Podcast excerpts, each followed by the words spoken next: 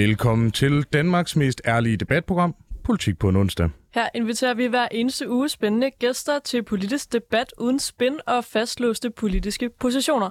Og hvis du forventer neutrale værter, så er det altså det forkerte sted, du lytter med. Ja, yeah, for mit navn er stadig Simon Fendinge, og jeg er formand i Liberal Alliance Ungdom og Danmarks mester i debat. Ja, og jeg hedder Nicoline Prehn, og jeg er aktiv i DSU, og så er jeg folketingskandidat for Socialdemokratiet. Og den næste times tid, der kommer vi til at vende nogle af ugens absolut vigtigste politiske historier med nogle af ugens absolut skarpeste gæster. Og i dagens anden time skal vi snakke om arveafgiften. Og i det her program, der plejer vi altid at starte med at høre vores gæster, hvad de har lagt mærke til i politik og politisk på det seneste. Og derfor vil jeg gerne byde velkommen til jer, og nu skruer vi ligestallet fuldstændig i vejret.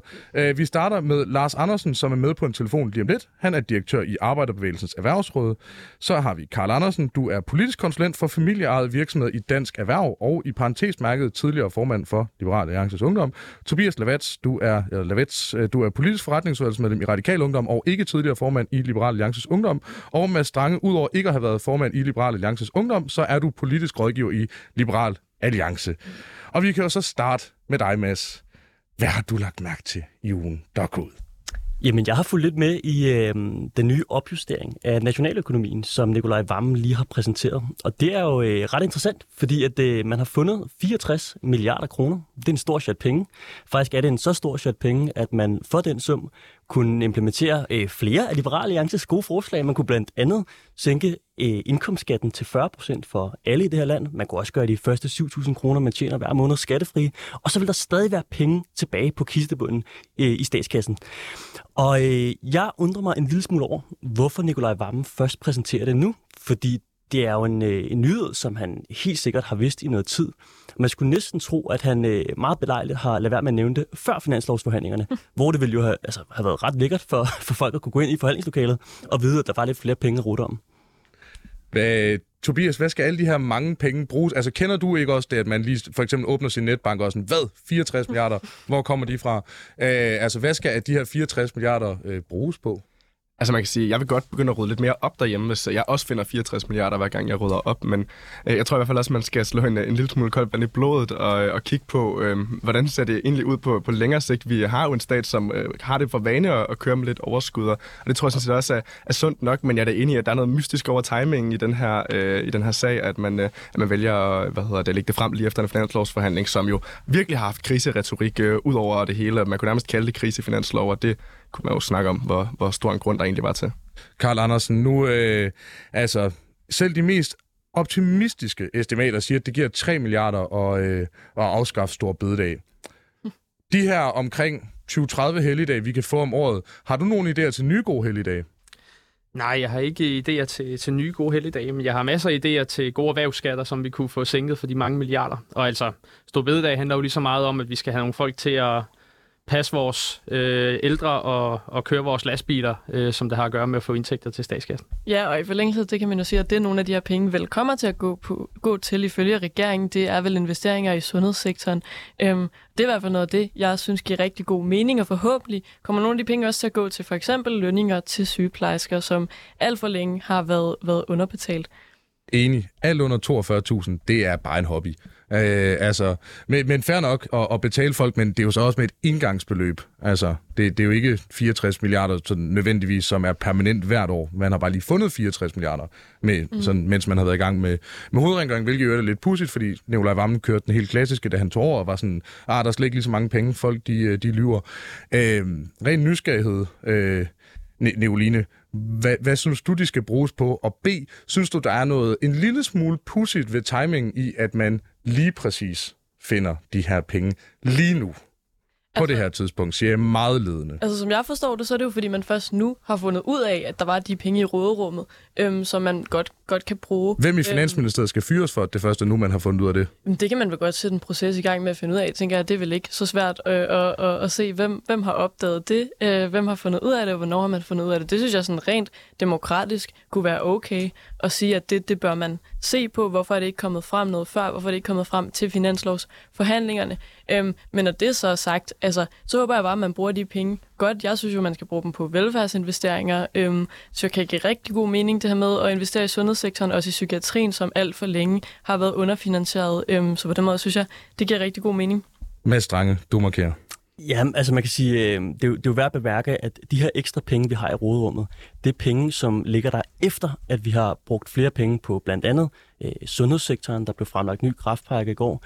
Det er penge, der ligger der efter, at vi har, har brugt penge på, øh, på, på forsvaret. Mm. Så det er altså ikke fordi, at, at det, at vi for eksempel bruger de her penge på eksempelvis skattelettelser, det gør, at vi ikke også kan bruge dem på, øh, på mere velfærd. Og så er der det her med, om, øh, om man har vidst, at pengene øh, lå der.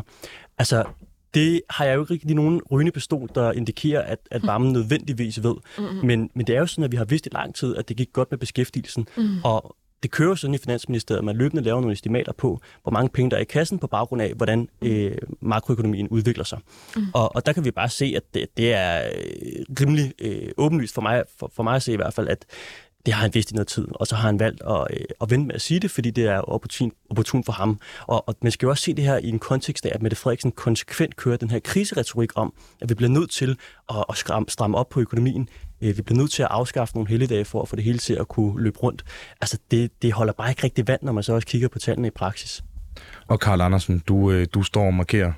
Jamen, det var fordi, at Simon, du sagde, at det var et indgangsbeløb, men det er jo, det er jo en strukturel opskrivning af vores, mm. af vores rådrum. Og det er jo simpelthen fordi, at Øh, de nye tal viser, at øh, beskæftigelsen forventer man strukturelt bare er bedre, end man først har antaget, og det drives især af, at ældre mennesker bliver længere, eller seniorer mm. bliver længere tid på arbejdsmarkedet, og så at vi har åbnet mere op for, for udenlandsk arbejdskraft. Øh, det er ligesom det, som der gør, at der, der kommer flere penge ind i, øh, i, øh, i, i kassen, på grund af, at der er en langt større produktion derude, og det, det er kun positivt.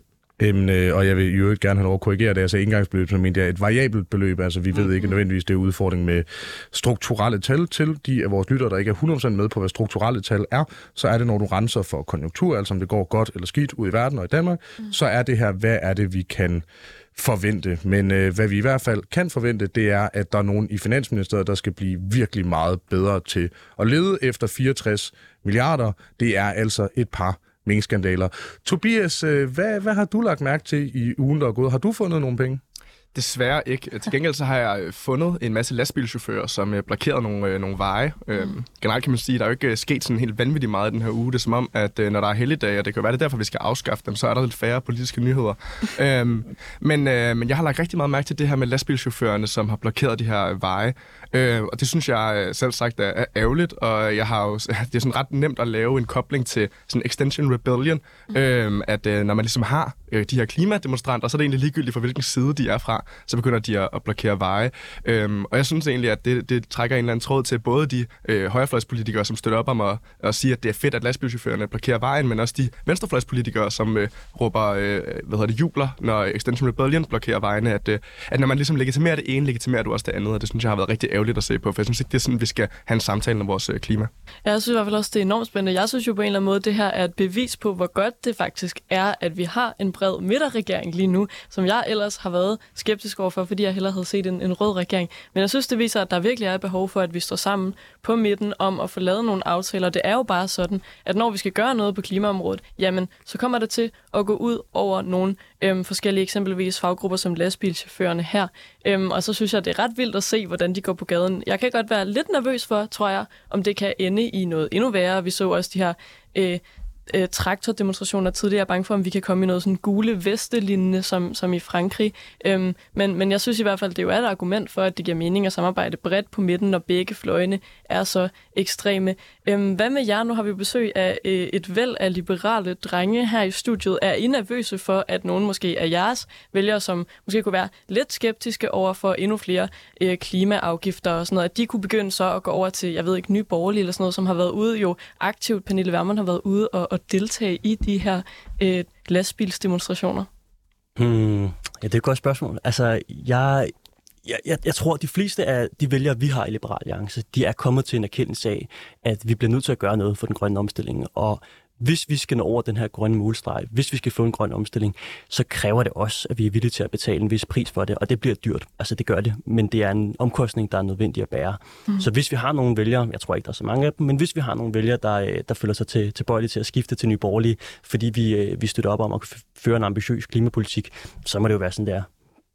Ja, men man kan vel også øh, øh, supplere med, at man skal man sige det på en ordentlig måde, jamen, udfordringen i det her, det er, det er dårlig lovgivning. Altså, det er, det er, det, en mærkelig dobbeltbeskatning, hvor i stedet for at gøre de ting, der rent faktisk fungerer, så vælger man at sige, nu går vi konkret efter det her, og det kan man godt blive nødt til at gøre rigtig meget, hvis man skal løse klimaproblemerne mm. med en hel masse forskellige rettede afgifter. Jeg er stensikker på, at Karl, der er om muligt ekspert på, på erhvervsafgifter, ved endnu mere om det, end jeg gør, men, men jeg forstår jo godt lastbilchaufførerne, dermed ikke sagt, at jeg er enig med dem. Jeg synes, det er en rigtig, rigtig skidt måde at gøre det på. Jeg går jo også ind for, øh, at, at man skal have bøder for altså, øh, sådan infrastrukturelle blokader osv., men, men jeg synes, man skal også passe på med at lave den vinkel, der hedder, at det er godt, vi har en midterregering, fordi hvis folk bliver sure, så er det nødvendighedens politik. Jamen altså, hvis jeg øh, skider i min lejlighed, så bliver min kæreste også sur, men det betyder ikke, det er fornuftigt, det jeg har gjort. Og, og af samme årsag, så synes jeg også, man skal passe på med ikke at forveksle dårlig politik med det, at folk bliver øh, utilfredse. Fordi det, at folk bliver utilfredse med politik, er jo ikke nødvendigvis positivt.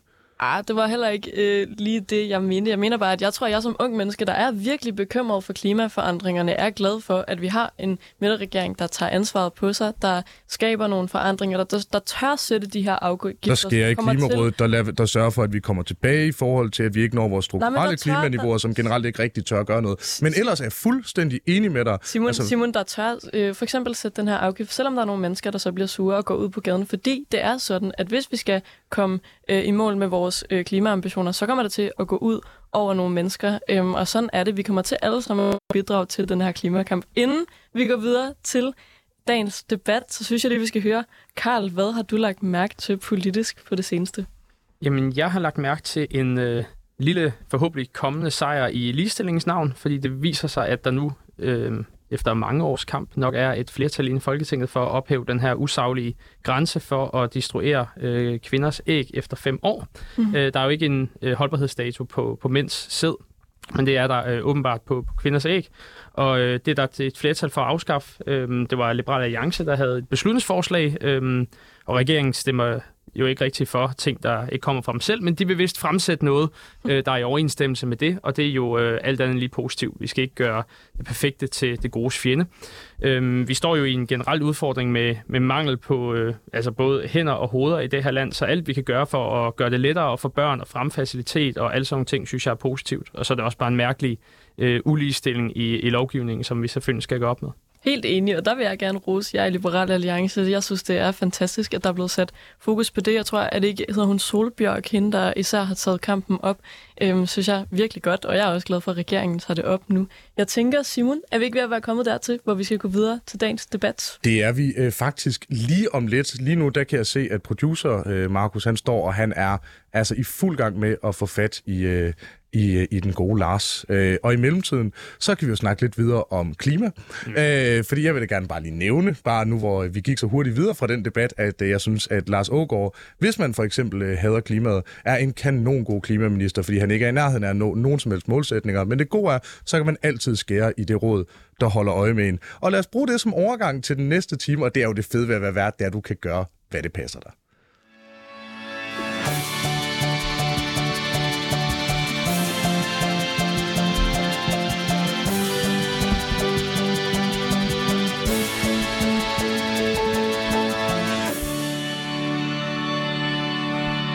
Du lytter til Politik på en onsdag med Simon Fendinge og Nicoline Prehn, hvor vi i dag har besøg af Lars Andersen, direktør i Arbejderbevægelsens Erhvervsråd. Du skulle gerne være med over telefonen nu. Det er jeg. Velkommen til. Tusind tak.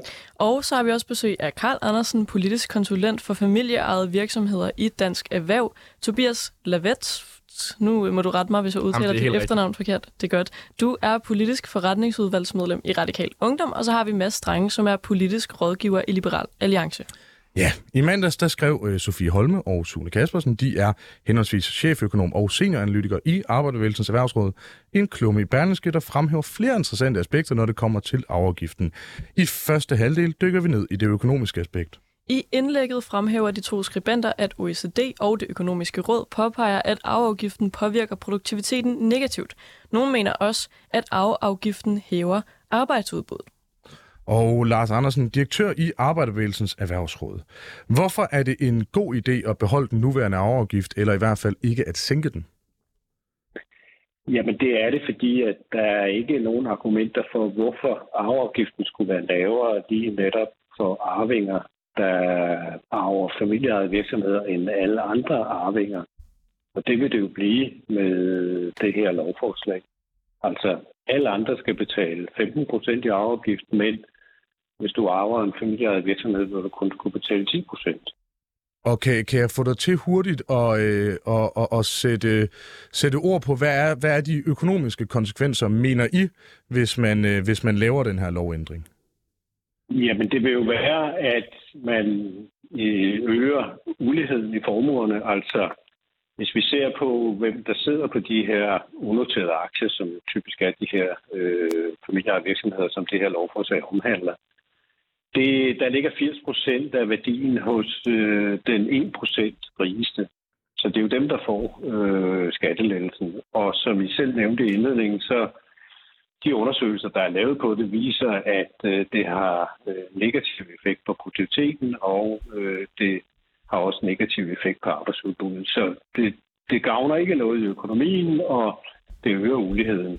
Man kan sige, at det eneste reelle argument, det er jo, at hvis nu den arveafgift skulle udredes sådan umiddelbart dag et efter øh, en, en arvesag, så ville der i nogle af de her virksomheder kunne være problemer med, med likviditeten, fordi man jo ofte ikke har de her værdier øh, liggende på kistebunden som penge.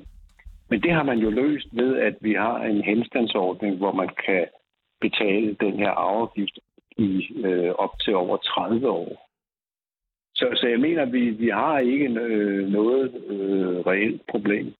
Og derfor er der heller ikke noget argument for, hvorfor de allerrigeste skal betale mindre i afgift end alle andre i det her samfund. Og Karl Andersen, du er politisk konsulent for familieejede virksomheder i, i Dansk Erhverv.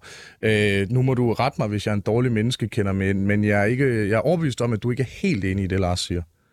Jamen, det øh, har du faktisk fuldstændig ret i, men jeg vil faktisk gerne imødekomme Arbejdernes Erhvervsråd en lille smule, fordi jeg, eller Danske Erhverv, er jo fuldstændig enig i, at det rent skattemæssigt ikke giver nogen mening at have forskellige øh, afgiftssatser for forskellige aktiver. Altså, vi skal have et mere simpelt skattesystem, det sikrer den mest optimale fordeling af ressourcer, så derfor bør man selvfølgelig sænke afgiften øh, generelt.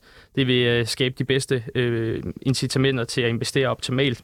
Men nogle gange må man jo tage til takke med det, som politikerne øh, finder frem til inde på Christiansborg. Derfor er vi også glade for, at den her regering faktisk har valgt at tage hul på en debat omkring, hvordan vi sikrer bedre rammevilkår for de familieejede virksomheder.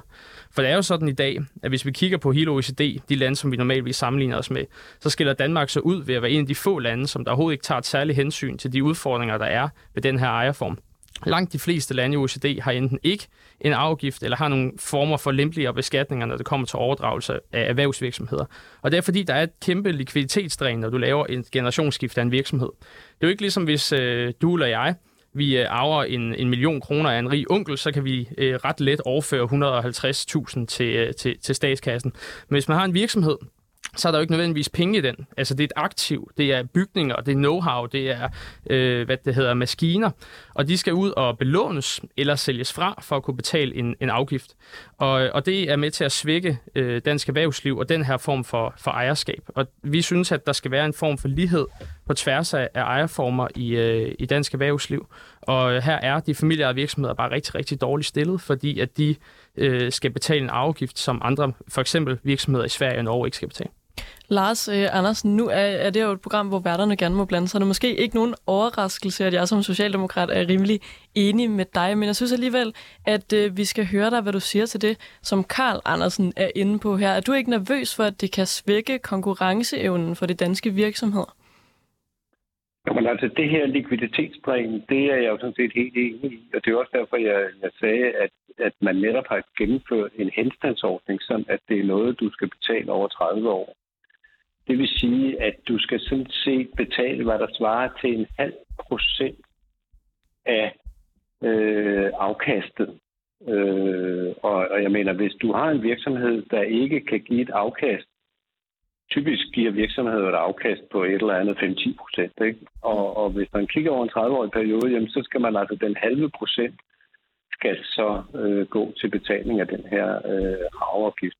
Det er jo ikke noget, øh, der tilter en, øh, en virksomhed. I hvert fald hvis den gjorde, så, så drev den så dårligt, så det var måske bedre at få nogle nye ejere. Jeg vil også sige noget, en anden ting. Hvis man nu er så bekymret for selve virksomheden, og fordi det er virkelig, man skubber virksomheden foran, så det er jo arvingerne, øh, man, man forgylder. Så er der jo masser af muligheder, hvor man kan beskytte virksomheden, nemlig ved at lade det være fondsejet. Og det er der jo også øh, store virksomheder, der er, fordi så, når den står i en fond, jamen, så skal der ikke betales noget, men til gengæld, så øh, er det heller ikke noget, øh, som, som arvingerne bare kan hive ud. Så er det netop, fordi man ligesom tænker på virksomhedens tag. Men, men Lars, ren nysgerrighed, nu, nu siger du, at det er cirka en halv procent af det, af det årlige afkast. Men, men alt andet lige vil det så ikke stille de her virksomheder, som Karl også siger, relativt set sværere end eksempelvis aktieselskaber øh, og øh, visse anpartsselskaber? Nej, fordi ah, hvis det er et aktieselskab, øh, du ejer, øh, og du så når du øh, hvis, hvis virksomheden er organiseret som et aktieselskab, så skal der jo betale afgift, helt normal afgift. Nå, men nu, nu snakker vi, not, altså hvis det er noterede aktier, altså ved det her ja. ikke alt andet lige, hvis man skal bruge en halv procent af afkastet, efter min bedste overbevisning, overdrager man ikke øh, noterede aktier i, i større danske øh, aktieselskaber på samme måde. Er det her ikke alt andet lige at øh, og, og, altså forfordele i ordets egentlige forstand øh, de her øh, familieejede virksomheder? Jamen altså, du kan sige, at i dag, øh, hvis den her bliver gennemført, så kan du sige, at hvis det er et normalt aktieselskab med noterede aktier, så vil man skulle betale 15 procent i afgift. Hvorimod, hvis det er unoteret, så skal du kun betale 10 procent. Så du laver netop med det her en skævhed. Men det er vel sjældent, at man betaler altså i, i, altså i almindelige noterede aktier. Altså nu har jeg øh, øh, nogle aktier i eksempelvis Huskompaniet. Altså det er klart, hvis, altså, hvis jeg går, går ind og dør øh, ja. sådan i morgen, så, så er det klart, så skal jeg jo selvfølgelig øh, give, give dem her videre og muligvis betale noget afgift osv., men det er jo nok ikke noget, man kan forvente rammer Huskompaniets likviditet ekstremt meget, alt taget i betragtning, al den stund, at jeg modsat regeringen ikke har fundet øh, de her 64 milliarder om, øh, om året. Altså er det her du, du, du ser ikke en udfordring i, at man kan risikere at stille nogle virksomheder dårligere end andre? Nej, altså det, det er jo tværtimod, at du stiller arvingerne af familieejede virksomheder bedre end arvinger af børsnoterede virksomheder. Det er jo det, det, er jo det du, effekten af det her vil være. Og ren altså, nysgerrighed. Man huske, at det er jo ikke virksomheden, der skal betale arveafgiften. Det er jo arvingen. Og, og nu, nu er jeg jo og, godt nok... Og, og, og som jeg sagde, så er 80 procent, altså hvis man kigger på den rigeste procent af danskerne, så ligger 80 procent af de unoterede aktier hos den rigeste procent. Så det er jo ikke så nogen, øh, der har problemer med at klare dagen og vejen. Men, men ren nysgerrighed, bare øh, sådan lige øh, inden, vi, inden vi sender den videre. Nu er jeg, jeg er selv frimarkedsfundamentalist og alt det der, men er der ikke også en værdi i at have øh, altså familieejede virksomheder. Vi kan også se, at vi har haft en, en relativt stærk historik øh, for det i Danmark, altså også øh, Lego, Grundfos, Danfoss osv., ikke? Øh, øh, risikerer det her ikke at, at, at forhindre nogle af de her familieejede virksomheder, som generelt set har ikke bare klaret sig godt, men som også kan være rigtig, rigtig vigtige for et, øh, for et land, særligt fordi de måske er mindre tilbøjelige til at flytte et andet sted hen? Jo, men altså, vi har jo haft regler for arveafgift, hvor det har været samme sats indtil nu. Så hvis det var så håbløst, så havde vi jo ikke de her blomstrende familievirksomheder. Og nu vil man så gøre det endnu mere lukrativt at være familieejet. Altså vi, det, det, altså, vi har jo haft den samme arveafgift på øh, familieejede virksomheder og på øh, børsnoterede virksomheder indtil nu. Og det er jo i den periode, hvor de her familieejede virksomheder er blomstret op. Mads, så, Mads Strange, jeg tænker, at vi skal øh, tage den over til dig. Øh, det er måske ikke nogen overraskelse, hvad I i Liberal Alliance mener om arveafgiften, men er det ikke et, et ret godt argument, som Lars kommer med her, at vi altså jo har haft rigtig øh, velfungerende familieejede virksomheder, på trods af, at vi har haft den her arveafgift? Jamen, det, det er da helt rigtigt. Øh, men man kan sige, at spørgsmålet er, hvor gode de her virksomheder ville have været, hvis vi ikke havde haft den. Og nu hører vi lidt det her argument med, at det ikke kommer til at være svært for virksomhederne at betale arveafgiften. Jeg synes, vi bliver nødt til at se det her i lyset af, at vi i første omgang lever i et land, hvor der er nogle af verdens højeste skatter og afgifter. Det er jo ikke fordi, man ikke betaler nok af skat i forvejen som hverken forbruger eller som virksomhed. Og i forhold til det her med, at det ikke vil være svært for virksomheden at betale det, så var det sådan sidste år, at indtægterne fra arveafgiften, de udgør, eller de øh, forløb sig til 7,4 milliarder kroner. Det svarer til 0,3 procent af vores bruttonationalprodukt. Så det er jo ikke fordi, at hvis vi afskaffer arveafgiften, så vil tandhjulene i vores velfærdssamfund ikke kunne dreje rundt længere. Altså det er ikke det, der afgør, om vi kan betale for, for vores velfærd og betale for vores samfund. Men omvendt er det sådan, at der er rigtig mange virksomheder, som bliver utrolig hårdt ramt af at skulle have penge op af lommen, når en virksomhed går i arv. Så jeg ser, jeg ser det sådan set omvendt af, hvad vi hører her fra Arbejderbevægelsens Erhvervsråd. Jeg synes, vi skal, vi skal afskaffe den. Øh, Karl Andersen, øh, inden vi lige sender den videre til, til Tobias. Øh, når, altså, når argumentationen, vi som... Øh, nogen har jo en tendens til at mene, at øh, både danske Erhverv, men måske også øh, eksempelvis Liberale Alliance er ret økonomisk orienteret. Øh, altså, hvordan ser du på, at en, en øh, sænkelse af, af den her øh, afgift på familieejede virksomheder ikke bare vil påvirke produktiviteten negativt, men også vil påvirke arbejdsudbuddet negativt. Er det ikke et relativt solidt argument for, øh, for at gøre som, øh, gøre som Lars siger, skulle jeg til at kalde det? Jamen altså, jeg vil gerne igen øh, understrege, at vi jo gerne ser en generel sænkelse, hvis det endelig er. Altså Arbejdernes Erhvervsråd har meget fokus på den her forskel, der er. Jamen, det er vi sådan set fuldstændig enige i. Men jeg har også forstået det sådan, at Arbejdernes Erhvervsråd generelt er imod at sænke afgiften. Det er vi ikke generelt imod. Jeg har øh, endnu til gode at se nogle finansministerielle beregninger på, at der skulle være en negativ arbejdsudbudseffekt af det her. Jeg har også til gode at se, at der skulle være en positiv arbejdsudbudseffekt. De plejer at sige, at der ikke rigtig er nogen effekt af at, af at gøre noget. Og det er fordi, der er ligesom modsatrettede effekter, som de så ligesom vejer nogenlunde op. En af de positivt rettede effekter ved at sænke afgiften for virksomheder er, at der er flere penge, der bliver ude i virksomheden, som de kan bruge på at investere i produktion, kapitalapparat, hvilket strukturelt bør give en højere produktivitet. Det, der så trækker i den anden retning, det er, at hvis en virksomhed går i arv, så er man ikke 100% sikker på, at det nødvendigvis er den helt optimale ejer, som der øh, driver virksomheden videre, og derfor kunne man teoretisk have forestillet sig en høj produktivitet, hvis den var blevet sat til salg på et frit marked, og det vurderer de så, at det går sådan nogenlunde øh, OP op. Men der skal vi nok også se på, at produktivitet er jo ikke nødvendigvis alt. Altså de familieejede virksomheder kan noget andet end for eksempel en kapitalfond kan. En kapitalfond er ekstremt effektiv til at få et overskud og til at få noget øh, kørt af stablen. En familieejet virksomhed har et langsigtet ejerskab. Det går måske lidt langsommere, men så bliver de også i lokalsamfundet. Selvom det ikke er optimalt at ligge i Bredebro, så ligger EU stadigvæk i Bredebro, fordi der er nogle andre værdier i det. Så produktivitet er jo ikke nødvendigvis alt. Der er også øh, sammenhængskraft ude lokalt. Der er lokale arbejdspladser, der er forsyningskæder i hele landet. Ting, som der er svært at sætte på formel. Øhm, og så til allersidst, det er den der henstandsordning, der blev henvist til, fordi den er sådan blevet fremhævet også af skatteministeren og Socialdemokratiet som øh, som løsningen på øh, Øh, det likviditetsproblem, som der er. Faktum er bare, at øh, ordningen har eksisteret rigtig mange år med 15 års henstand, så blev den født til 30 år. Der er bare ingen virksomheder overhovedet, der benytter den eller har benyttet den. Og det vi selvfølgelig spurgt øh, ministeriet om, øh, hvorfor. Det kan de ikke svare på. Vi har også spurgt vores egen virksomheder i Dansk Erhverv om, hvorfor. Og der er svaret ret klart. Virksomhederne vil simpelthen ikke have en kæmpe skattegæld til det offentlige. Det gør det meget, meget svært at rejse kapital andre steder. Det gør det også svært og nødvendigvis så sælge ejerandel ud af til, hvis du har alt for meget gæld til det offentlige. Så, så de, de vil hellere bare øh, ligesom rive plasteret af, og det går så selvfølgelig ud over deres mulighed for at investere øh, på en kort øh, bane. Øh, Lars, øh, det skal jo ikke lige øh, flækkes, at øh, jeg synes jo øh, generelt, at øh, gæld er en rigtig, rigtig for, øh, fornuftig øh, finansieringskilde. Øh, måske gæld til det offentlige er, er, er lidt en, øh, et andet problem. Men, men når Karl siger, at de har snakket med deres medlemsvirksomheder, som ser det her som en ekstrem, en, et ekstremt stort problem i forhold til at rejse finansiering, Altså, vil det her ikke på mange måder så, hvis det kræver, at folk øh, alt andet lige skal ud og tage, tage lån i deres virksomhed øh, igennem 30 år, på den måde begrænse vækstmuligheder. Det kunne eksempelvis være et landbrug at købe eller udvide sin, øh, sin stald. Øh, altså, er det ikke et problem, at, at det her er med til at begrænse adgangen til finansiering for danske virksomheder?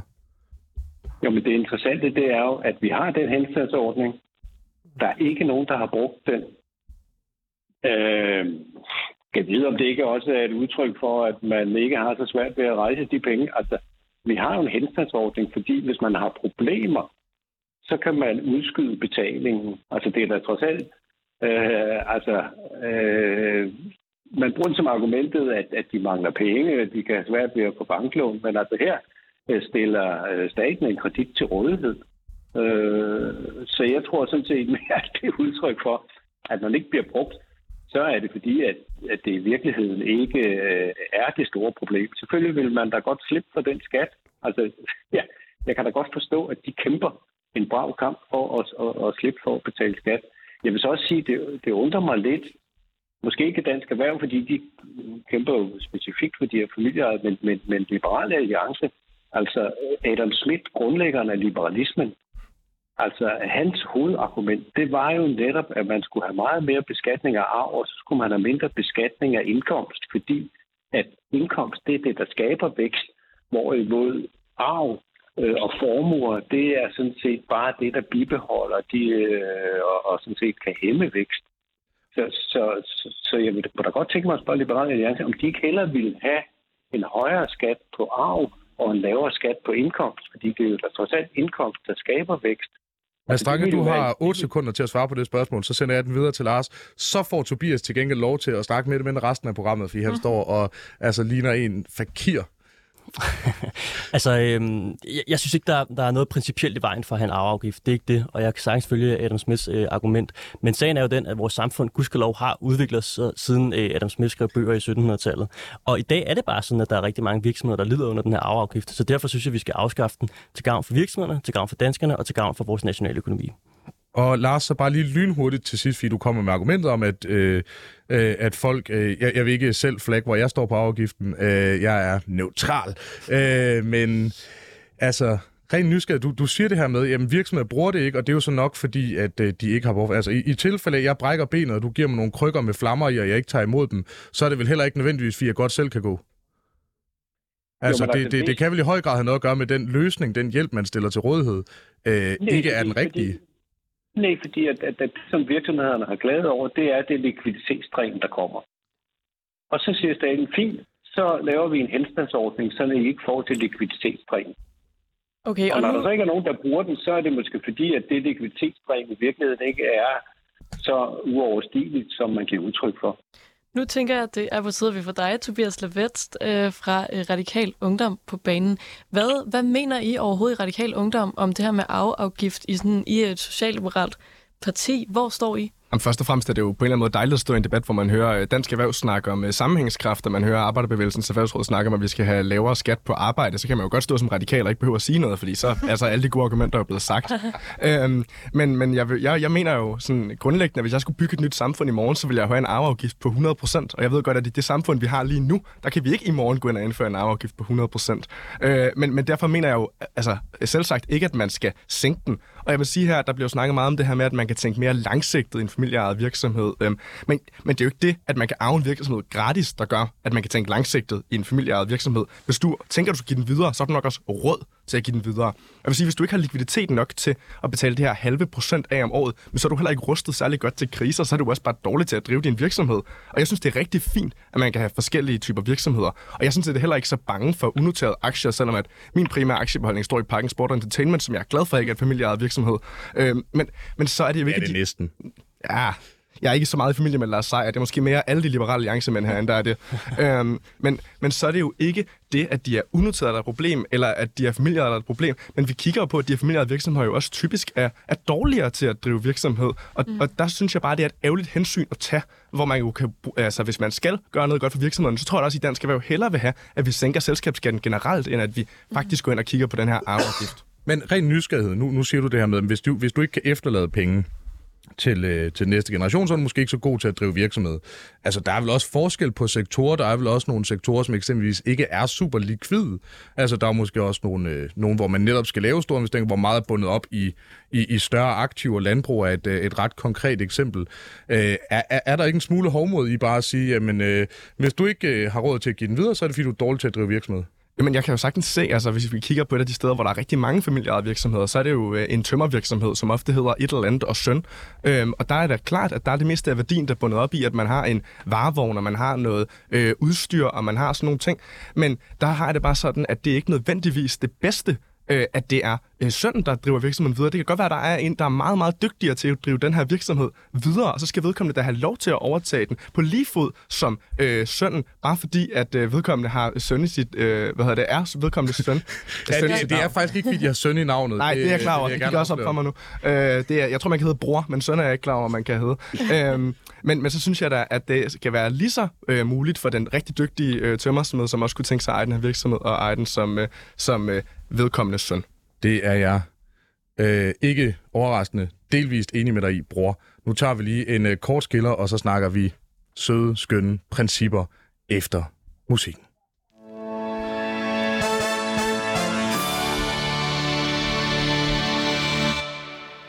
Du lytter forhåbentlig stadig til Politik på en onsdag med Simon Fendinge og Nicoline Prehn, hvor vi i dag har besøg af, og nu stiger ligestallet igen, igen, igen, Lars Andersen, direktør i Arbejderbevægelsens Erhvervsråd, Karl Andersen, politisk konsulent for familieejede virksomheder i Dansk Erhverv, Tobias Levets, politisk forretningsudvalgsmedlem i Radikal Ungdom, og Mads Strange, politisk rådgiver i Liberal Alliance. Det er simpelthen den nye fem flade flødeboller, den her.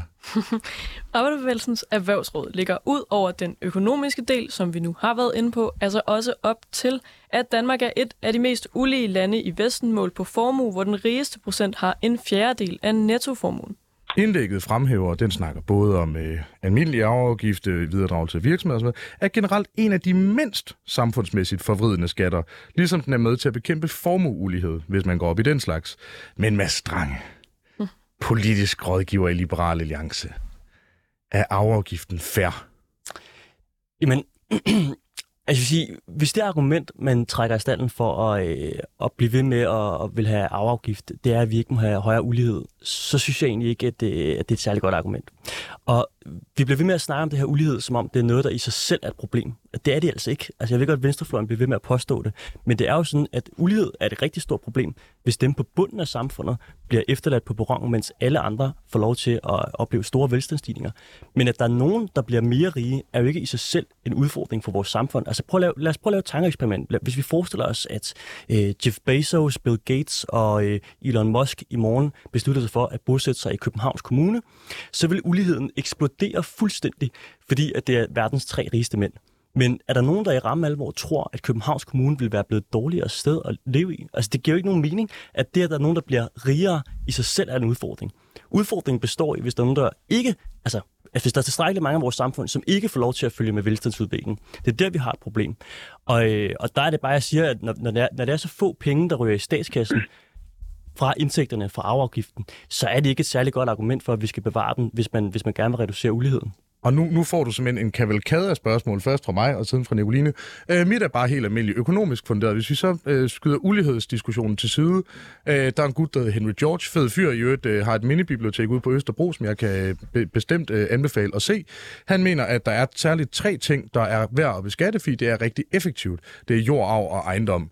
Hvis vi bare siger, at ulighed er, er ligegyldigt, men der skal nogle penge i kassen, det, at arveafgift er ekstremt effektivt, og som tidligere nævnt, ikke særligt samfundsmæssigt forvridende, er det ikke et stærkt argument for, hvorfor det skal være noget af det første i værktøjskassen? Fuldstændig. Det synes jeg, det er. Øhm, og man kan sige, du hører heller ikke mig være en af de der lystbådsliberalister, som siger, at øh, hvis man beskatter afgiften, så er det en skat på sov og så videre. Altså, det er ikke fordi, jeg principielt er modstander af den. Min pointe er bare, at i den situation, vi befinder os i i Danmark, hvor der er rigtig mange virksomheder, der har store udfordringer med arveafgiften, og hvor vi i forvejen har et problem med, at der er få virksomheder, der vokser så store, så bliver vi nødt til at gøre en aktiv indsats for at gøre det så attraktivt som muligt at være en af de mennesker, der øh, arbejder benhårdt og har masser af gode idéer, og som driver virksomheder til gavn for os alle sammen. Og det gør vi altså ikke med en høj arveafgift. Men Mads Dreng, jeg synes, vi lige skal have på, på det rene, at det, du siger om ulighed her, jo i hvert fald er ideologisk funderet. Øhm, der har de seneste år været masser af analyser, der har vist, at, at ulighed, økonomisk ulighed og især stor ulighed, at det faktisk er dårligt for væksten, og at hvis man skal rykke noget i forhold til væksten, så er det, at, at alle har en større velstand, også særligt i bunden. Og man kan sige, hvis, hvis vi siger, at der var nogle rigmænd, der rykkede til Danmark, så kunne vi jo gøre det, vi kunne beskatte dem hårdt, så vi kunne bruge de penge til at omfordele, og altså få nogle penge ind i bunden i Danmark, og på den måde også skabe større vækst, som der er en række analyser, der peger på.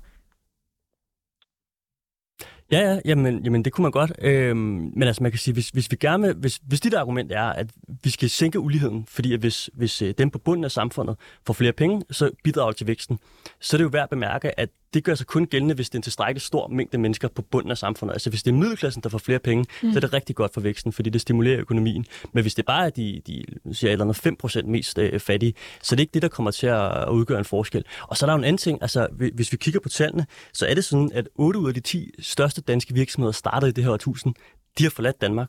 Det er også sådan, at der kun er 1 ud af 10 af de største virksomheder i landet, der har mere end 50 år på banen. Så Danmark har en udfordring med, at nye virksomheder kan få lov til at vokse store her til lands. Og det skyldes jo blandt andet, at vi ikke har formået at gøre det attraktivt nok at drive virksomhed. Og igen, der kan vi bare se, at arveafgiften det er en udfordring for mange virksomheder, og derfor synes jeg, at, øh, at der er gode argumenter for at afskaffe den. Jeg synes, det er ret sjovt at høre en fra Liberal Alliance stå øh, nærmest at tale imod Adam Schmidt øh, her i, i radioen. Jeg tænker, at det kunne være ret fedt at få dig, Karl Andersen, øh, på banen. Øh, du, øh, man kan nærmest sige, du arbejder med de her familieejede virksomheder øh, til hverdag. Hvad siger du til, sådan, hvis vi fjerner blikket fra den økonomiske del og tager det over på det her sådan, retfærdigheds-fairness-element? Altså, er der ikke noget retfærdighed i, at at man selvfølgelig skal beskattes, man skal betale en afgift, fordi man tilfældigvis er så heldig at være født ind i en familie, hvor man kan arve en virksomhed? Jamen, det er jo nogle rigtig gode øh, principielle spørgsmål. Altså, man kan jo sige, at virksomheden betaler jo øh, masser af skat, både selskabsskat og afgifter, og hver eneste gang, at du trækker løn ud til dig selv, så betaler du øh, skat og topskat og snart top-topskat, og hvis du trækker dividend ud, betaler du aktieavanceskat og udbytteskat. Så folk bliver jo beskattet. Der er jo ingen, der får øh, gratis penge. Og hvis du så ligesom har, har startet en virksomhed op, og det går rigtig godt, og du øh, ligesom har som ambition, at den skal være et, et langsigtet aktiv, ikke bare for dig selv, men faktisk også, øh, hvis du har en, en søn og en datter, eller begge dele, som der også er, er egnet til at drive den videre, og du ønsker at gøre det, frem for at sælge den og tjene en masse penge, højst til en udenlandsk kapitalfond, så faktisk give den videre til dine børn, uden du faktisk selv sådan rigtig får noget ud af det, så synes jeg øh, rent principielt, at den mulighed skal du, skal du have. Der er jo ingen, øh, de her virksomhedsejere, som jeg taler med, der, de, de lever under for, for den virksomhed, de er en del af. De er jo nærmest mere gift med deres øh, CVR-nummer end med deres kone eller mand. Så Hvilket vil være et relativt stærkt argument, for de så måske skal drive lidt mindre virksomhed. Men lad nu jo, det. men altså, det, det, der mere konceptet er, at der er ingen af de her ejere, nuværende ejere, der har en interesse i at give nøglerne videre til nogen, der vil køre det i sænk. Altså, det vil være det værste, de kunne forestille sig. Hvilke ejere har en interesse i at køre en virksomhed i sænk? Øhm, den offentlige sektor gør et godt øh, stykke arbejde i øjeblikket. Men, jeg går øh, ikke ud fra det et national, øh, altså det, jeg går ikke ud fra det her det er et nationaliseringsaspekt. Øh, Nå, nej, men, men det var jeg, jeg mere, godt, hvad du siger. Jamen, det, det er mere det der med, at nogen skulle give den videre til, til, til søn og datter, alene fordi det var søn og datter. De vil kun gøre det, hvis de egnede også har en interesse i, uh, i at gøre det. Altså, man kan sige, at grund til, at der er en ret stor ulighed i de unoterede aktier, er jo fordi, at der er en lille meget lille andel af virksomheder, der er ekstremt velhavende og ekstremt store op i den ene ende. Altså det er jo, vi har jo Mærsk og Bestseller, Heartland og alle de der rigtig store virksomheder, de trækker selvfølgelig rigtig meget i den retning. Men langt, langt de fleste danske familier og virksomheder er, er små og mellemstore virksomheder. Det er landbrug, det er tømmerforretninger, det er restauranter, det er alt muligt, som der øhm, skal betale nogle penge, som en tilsvarende virksomhed ikke skal betale i Sverige. Og det er øh, ikke øh, fair set fra mit synspunkt i hvert fald. Og Lars, nu øh, sender jeg den lige over til, til din stol. Jeg ved ikke, øh, hvor meget du øh, må tillade dig at være, være holdningsborgen, men sådan på det, det overordnede spørgsmål, er det her en færre måde at beskatte på? End du må gerne gå efficiensvejen, hvis du ikke vil snakke øh, holdninger. Nå, men jeg kan sådan set snakke begge veje. Altså, øh, for det første jo, jeg tror, I selv nævnte det der, eller også, jeg kan ikke huske, hvem det var, men altså, den, vi opkræver jo skatter fordi vi stiller velfærd til rådighed, offentlig service, og vi har nogle forsikringsordninger. Det skal vi jo gøre så lidt forvridende som overhovedet muligt. Og de mindst forvridende måder at opkræve skat, det er arveafgift, det er jord og, og fast ejendom. Og øh, det er så det, vi er ved at, at, at, at sætte ned, og det er der øh, tosset, synes jeg. Tobias? Så og her omkring det med, med de familier, altså hvis det virkelig er, at det er ens etter af den virksomhed, så kan man jo helt fuldstændig slippe for arveafgift ved at gøre den fondsejet. Fordi så er det netop virksomheden, man beskytter. Det ser vi jo store virksomheder, der faktisk gør. Øh, også hvor dele af virksomheden er fondsejet. Carlsberg, jeg tror Danfoss har vel også noget fondsejet. Øh, Lego, altså... Novo? Så, Salling? Novo, ja. Så, så, så, så, så altså Øh, der er jo masser af muligheder, hvor man kan beskytte virksomheden, men, men det, det bare er, det er, at så er det altså ikke arvingerne, der ligesom øh, har, har alle pengene længere. Tobias, hvad, hvad tænker I i Radikal Ungdom om, øh, om retfærdighedsdelen af afgiften?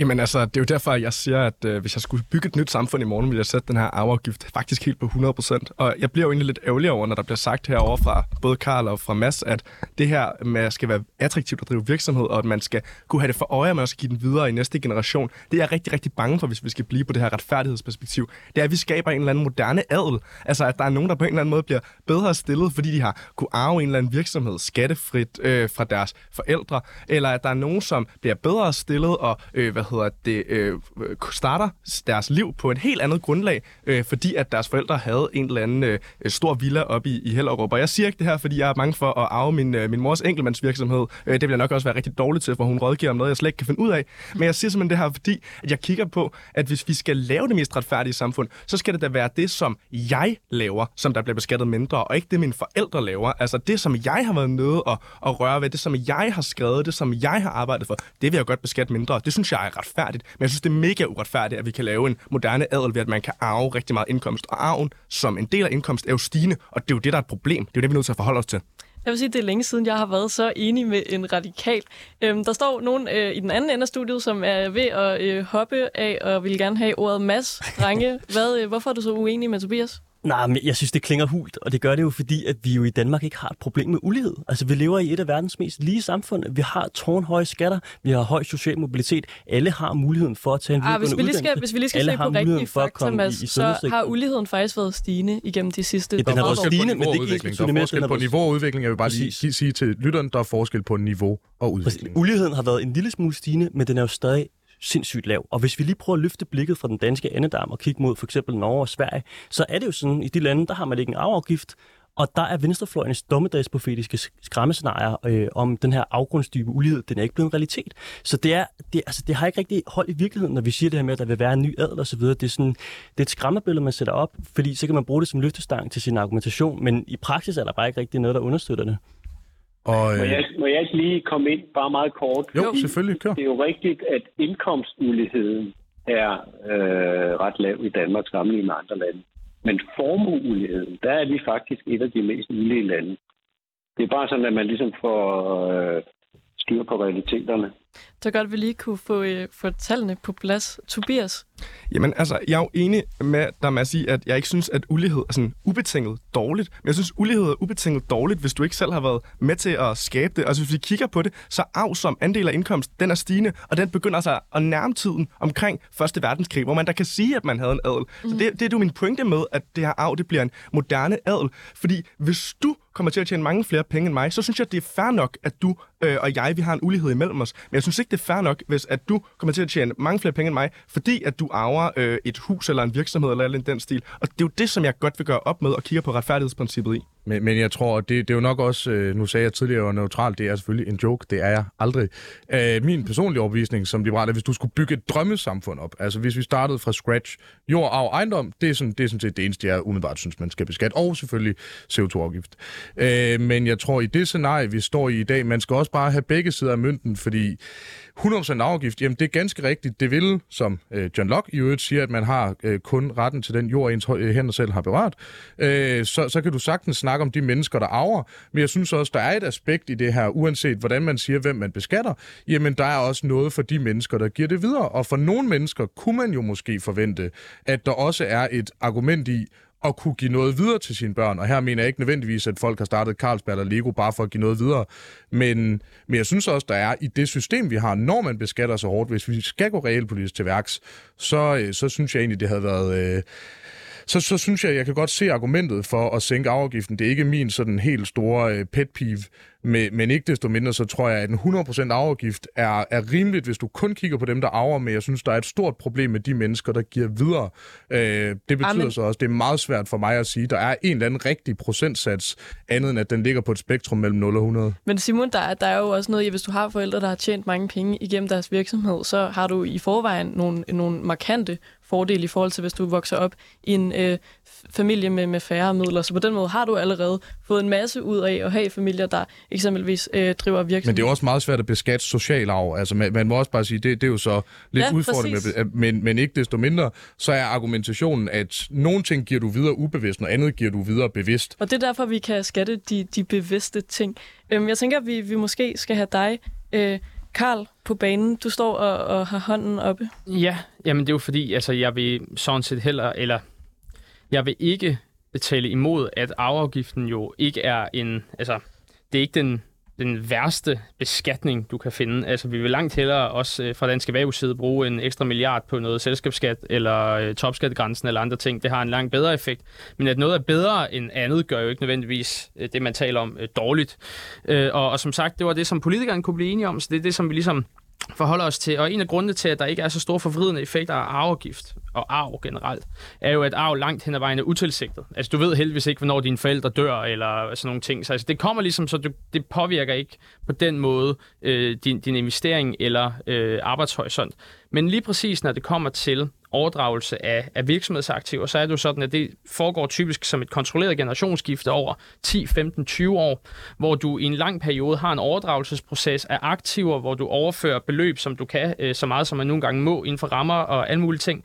Og på den måde spiller arveafgiften en, en, en, en forvridende effekt på måden, hvorpå man opsparer, og måden, hvorpå man kan investere i de her virksomheder. Fordi det er penge, som du ikke kan bruge på andre ting. Fordi det er en løbende udgift på lige fod med for eksempel en selskabsskat, som der er i de her virksomheder. Men det er svært at regne på, og derfor siger Finansministeriet også bare, at der er ingen effekt af noget, fordi de tør ikke lægge sig på den ene eller den anden. Og Lars, du får lige en, øh, en sidste bemærkning her på, på falderæbet. Til, formentlig til det, Karl siger, men du har sådan set mere eller mindre frileje. Jo, men altså, jeg, jeg synes jo, det her med, at... Altså, lad mig gå tilbage til det her. Vi, vi havde indtil for nylig samme arveafgift på alt. Og nu får vi så en lavere på overdragelse eller på arvinger, der ejer, der arver familieejede virksomheder. Hvis alle de her skrækscenarier på, hvor ødelæggende det er, øh, jamen, så burde vi jo ikke have en så blomstrende øh, familievirksomhedskultur. Punkt 1. Punkt 2. Hvis nu det frygteligt skulle ske, at øh, der ikke vil være den udvikling, der er, jamen så skal vi jo hele tiden huske på, at det, der gør til et rigt samfund, det er jo, at arbejdskraften er beskæftiget der, hvor den skaber størst værdi. Og det har vi jo altså været ret gode til indtil nu. Øh, og det kan jeg ikke se, at Det der var, har øh, arveafgiften ikke nogen rolle at spille. Tusind tak til dig, Lars. Det var det, vi nåede fra dig. Nu skal vi lige nå at have Mads Strange på banen. Jamen, altså, det er jo sådan, at der er store konsekvenser af den måde, vi har øh, skruet systemet sammen på i dag. Altså, som jeg sagde tidligere, øh, 8 ud af 10 af de største danske virksomheder starter i det her årtusind. De har forladt vores land. Det er helt vildt. Og hvis vi gerne vil leve i et samfund, hvor der fortsat skal være ildsjæle fulde af gode idéer at gå på mod, som har lysten til at skabe noget stort, bygge nogle virksomheder, skabe nye arbejdspladser, skabe ny teknologi, som kommer os alle til gode, så bliver vi ikke Altså, så bliver vi nødt til at gøre det attraktivt at være en af den slags mennesker, og det gør vi ikke med en arveafgift. Og Tobias, du får det sidste ord, inden værterne kort og kontant afbryder alle sammen. Jamen, jeg, jeg synes bare, der er så mange andre måder, man kan gøre det på bedre. Altså kigge på iværksætterbeskatningen, kigge på selskabsbeskatningen, kigge på alle sådan nogle ting. Og så vil jeg bare sige, at i dag der er det den 24. maj, og den dag vil jeg godt have skrevet i kalenderen, for det, det er jo bare den radikale og socialdemokrat, der argumenterer for, at det skal kunne betale sig at arbejde i stedet for alle de her andre. Og det synes jeg altså er ærgerligt, så derfor synes jeg altså ikke, at det er afgiften, vi skal kigge på, men, øh, men andre skatter. Hvis man gerne vil høre mere til argumentet, det skal kunne betale sig at arbejde, så kan man gå ind på Politikken Live fra sidste... Nej. Øh, I hvert fald så øh, vil vi gerne sige tusind tak. Lars Andersen med på en telefon, direktør i Arbejderbevægelsens Erhvervsråd, Karl Andersen, politisk konsulent for øh, familieejet virksomhed i Dansk Erhverv, med Strange, politisk rådgiver Liberal Alliance, og Tobias Levets. Du er politisk forretningsudvalgsmedlem i Radikal Ungdom. Vi hedder henholdsvis Simon Fendinge og Nicoline Prehn. Nu tager vi lige en, et lille stykke med musik, og så går vi videre til dagens nyheder, som vi kan håbe på er super positive. Tusind tak, fordi I lyttede med.